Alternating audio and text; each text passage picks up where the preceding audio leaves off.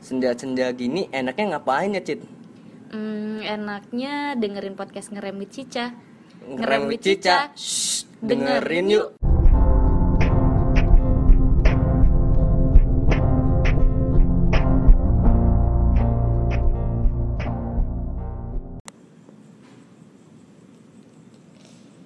Hai hai hai hai, balik lagi sama gue Citra di podcast Ngerem with Cica Ngemengin remaja with Citra dan Celai. Oke, hari ini sangat eh, super duper spesial Karena di podcast Ngerem with Cica ini akan ada segmen terbaru Yaitu Majura Majalah Udara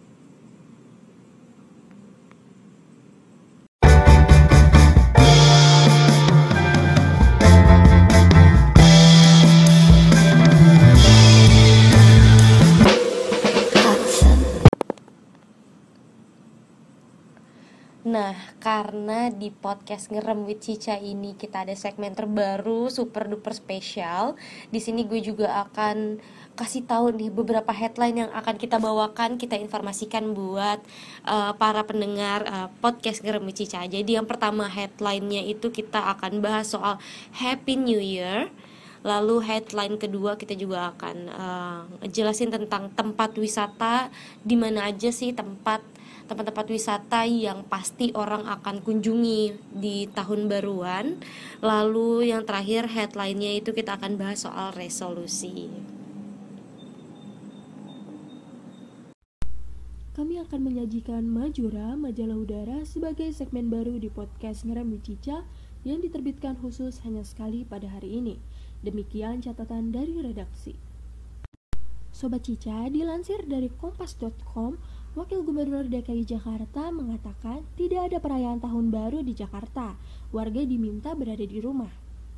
Wakil Gubernur DKI Jakarta Ahmad Riza Patria meminta masyarakat agar tidak menyelenggarakan perayaan tahun baru yang tidak sesuai dengan ketentuan pembatasan sosial berskala besar atau PSBB transisi. Ariza menyebut pemerintah Provinsi DKI Jakarta telah berkoordinasi dengan Kapolda Metro Jaya, Pangdam Jaya, dan Forkompindo untuk mengantisipasi libur panjang. Salah satu upaya yang dilakukan adalah dengan membatasi kegiatan di tempat-tempat hiburan seperti ketentuan yang dilaksanakan selama masa PSBB transisi. Nah, Sobat Cica, tahu nggak sih di banyak negara perayaan malam tahun baru dimulai pada 31 Desember dan berlanjut hingga 1 Januari pada dini hari.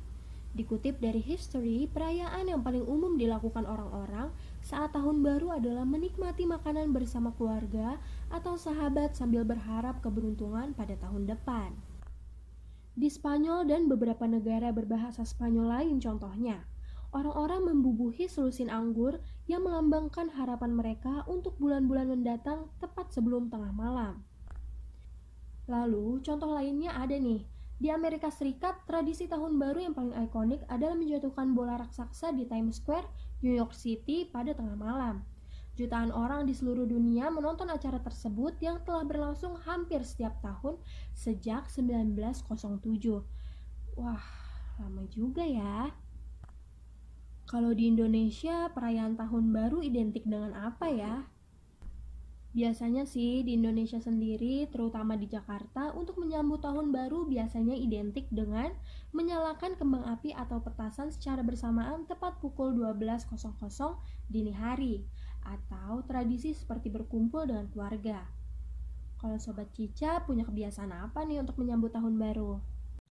Gimana nih Sobat Cica persiapan menyambut malam tahun baru 2021? Ada rencana keluar nggak sama teman-temannya atau sama keluarga? Menurut Cica sih ya kayaknya sobat Cica tuh harus di rumah aja dulu deh. Karena sejumlah jalan di Jakarta bakal ditutup total loh. Antisipasi timbulnya kerumunan dan konvoi pada malam pergantian tahun 2021 Polda Metro Jaya merencanakan penutupan jalan di ruas Jalan Sudirman Tamrin, Jakarta Pusat untuk kendaraan, pesepeda, bahkan manusia sekalipun. Direktur Lalu Lintas Polda Metro Jaya Kombes Sambodo Purnomo Yogo menegaskan, rencana penutupan tersebut masih dalam tahap pematangan dan koordinasi dengan semua stakeholder yang berkepentingan. Penutupan jalan itu rencananya akan dimulai pada pukul 20.00 waktu Indonesia bagian Barat hingga pagi dini hari. Untuk waktu pasti penutupan dan pembukaan jalan masih dibahas oleh pihak Polda Metro Jaya dan pihak terkait. Selain di sepanjang Jalan Sudirman Tamrin, pihaknya juga merencanakan akan menutup juga Jalan Benyamin Sueb. Karena dua lokasi ini nih menjadi lokasi berkerumun dalam malam pergantian tahun. Nantinya, pihaknya akan melakukan penjagaan di ruas jalan yang akan ditutup. Tujuannya sih semata-mata agar tidak ada masyarakat yang berkumpul dan berkerumun pada malam pergantian tahun. Nah, buat sobat Cica yang udah ngerencana ini dari jauh-jauh hari uh, buat ngerayain malam tahun baru 2021 di luar rumah. Kayaknya harus mengurungkan niatnya sejenak dulu deh karena kan kita lagi pandemi juga ya sobat Cica. Jadi uh, mending di rumah aja berkumpul bersama keluarga dan tetap menjalankan protokol kesehatan 3M yaitu mencuci tangan, menjaga jarak dan memakai masker.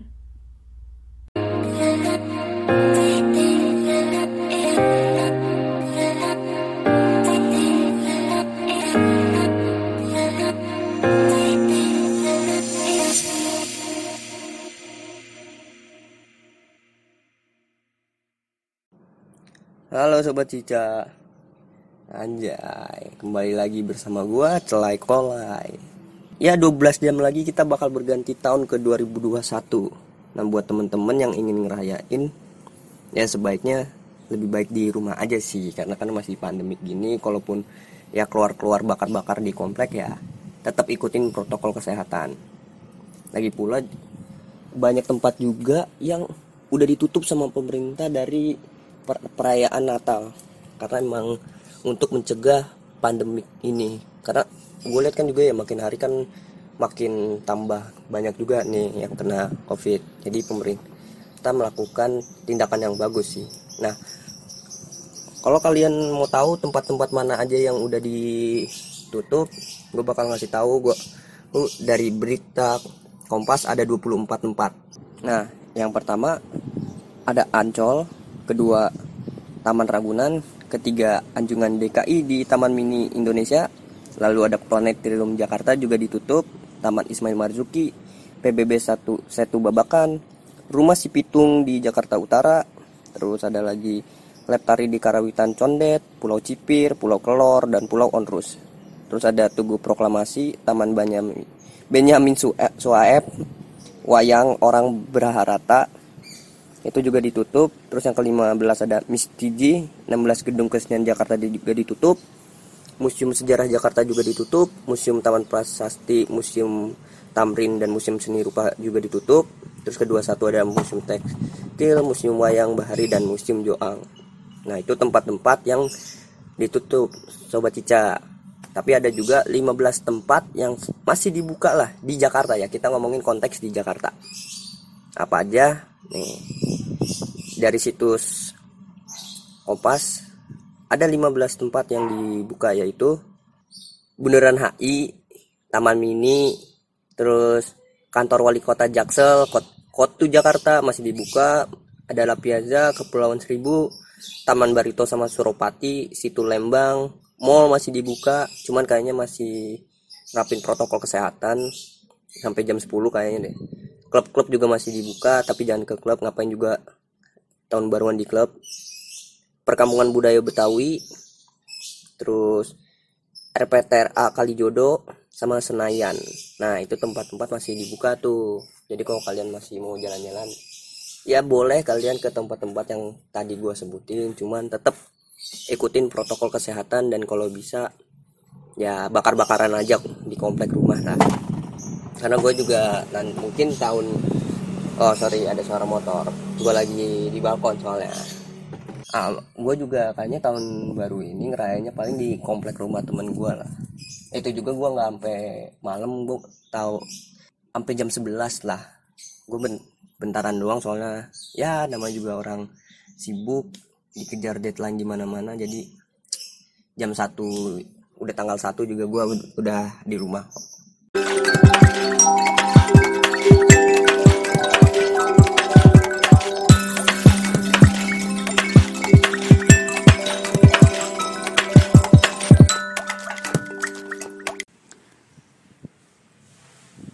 Halo teman-teman, uh, balik lagi sama gue Citra di podcast Ngerem with Cica, ngemengin remaja with Citra dan Celai.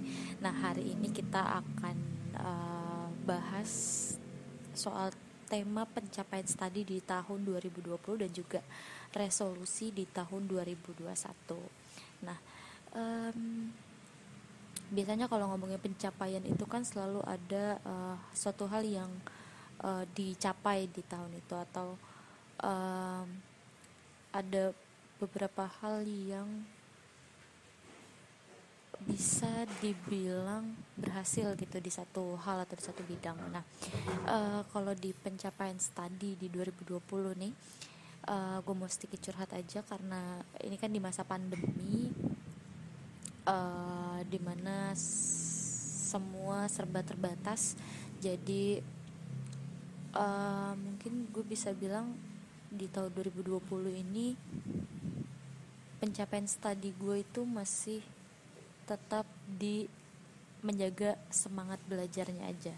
Karena um, pencapaian di 2020 untuk studinya menurut gue um, sedikit kurangnya gue masih tetap semangat belajar di tengah pandemi masih tetap mengikuti uh, perkuliahan sampai akhir di mana biasanya ya orang atau mahasiswa nih uh, pelajar karena uh, apa namanya dapat akses yang mudah untuk belajar gitu. Uh, kadang suka suka apa ya suka menggampangkan gitu ya. Jadi ada beberapa temen yang setelah absen kelas setelah absen kelas dia tidak ikut Google Meet atau nggak ikut materi pembelajaran yang di mana dosen itu uh, mengajarnya lewat online gitu kan. Biasanya ada Google Meet ada Zoom segala macem. Tapi kadang teman-teman itu suka uh, cuma absen aja tapi tidak ikut Google Meet nggak ikutin materi. Nah kalau untuk gue sendiri ini adalah suatu pencapaian studi gue di 2020 karena gue mengikuti perkuliahan sampai selesai. Mungkin ada beberapa beberapa waktu yang kayaknya gue ngantuk banget nih gue pengen pengen tidur aja deh gitu nggak usah ikutin kuliah. Tapi ternyata semangat gue untuk belajar semangat gue untuk ngikutin perkuliahan ini ternyata masih tetap ada dan itu menurut gue sebuah pencapaian uh, studi gue di 2020 ini terus juga beberapa waktu lalu uh, satu atau dua minggu yang lalu uh, di kampus itu sudah melakukan namanya ujian tengah semester atau UTS jadi gue udah mampu ngelewatin UTS dan ada beberapa nilai yang udah gue tahu dan um, menurut gue ini juga suatu pencapaian karena uh, gue tahu beberapa nilai gue yang bisa dibilang cukup bagus. Karena masih tetap semangat belajar. Um, mungkin untuk pencapaian studinya sih itu. Terus kalau untuk resolusi ya pasti semua berdoanya yang baik. Pasti resolusi di tahun ke depan bisa mencapai suatu hal yang lebih baik lagi di tahun sebelumnya.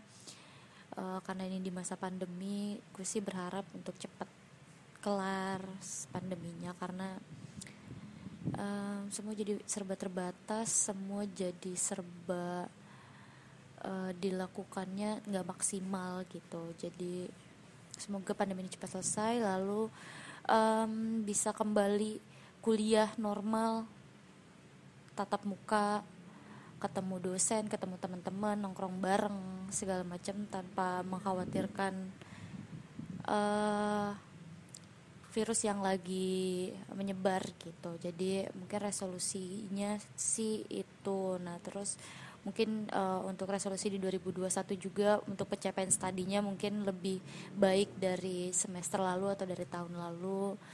Uh, semoga dengan kuliah online atau daring ini nggak membuat nilai gue jadi jadi menurun karena di awal pandemi mungkin agak ada sedikit shock karena nggak pernah uh, karena belum kampus itu belum apa ya belum mendukung untuk kuliah online. Jadi mungkin agak sedikit shock juga. Jadi uh, eh, IPK-nya sedikit mem, ber, uh, sedikit mempengaruhi uh, nilainya sedikit mempengaruhi IPK jadi ya semoga resolusi di 2021 bisa jadi jauh lebih baik Oke, terima kasih buat teman-teman sobat Cica yang sudah mau mendengarkan podcast kita kali ini di segmen terbaru di podcast Ngeremu Cica yaitu Majura Majalah Udara.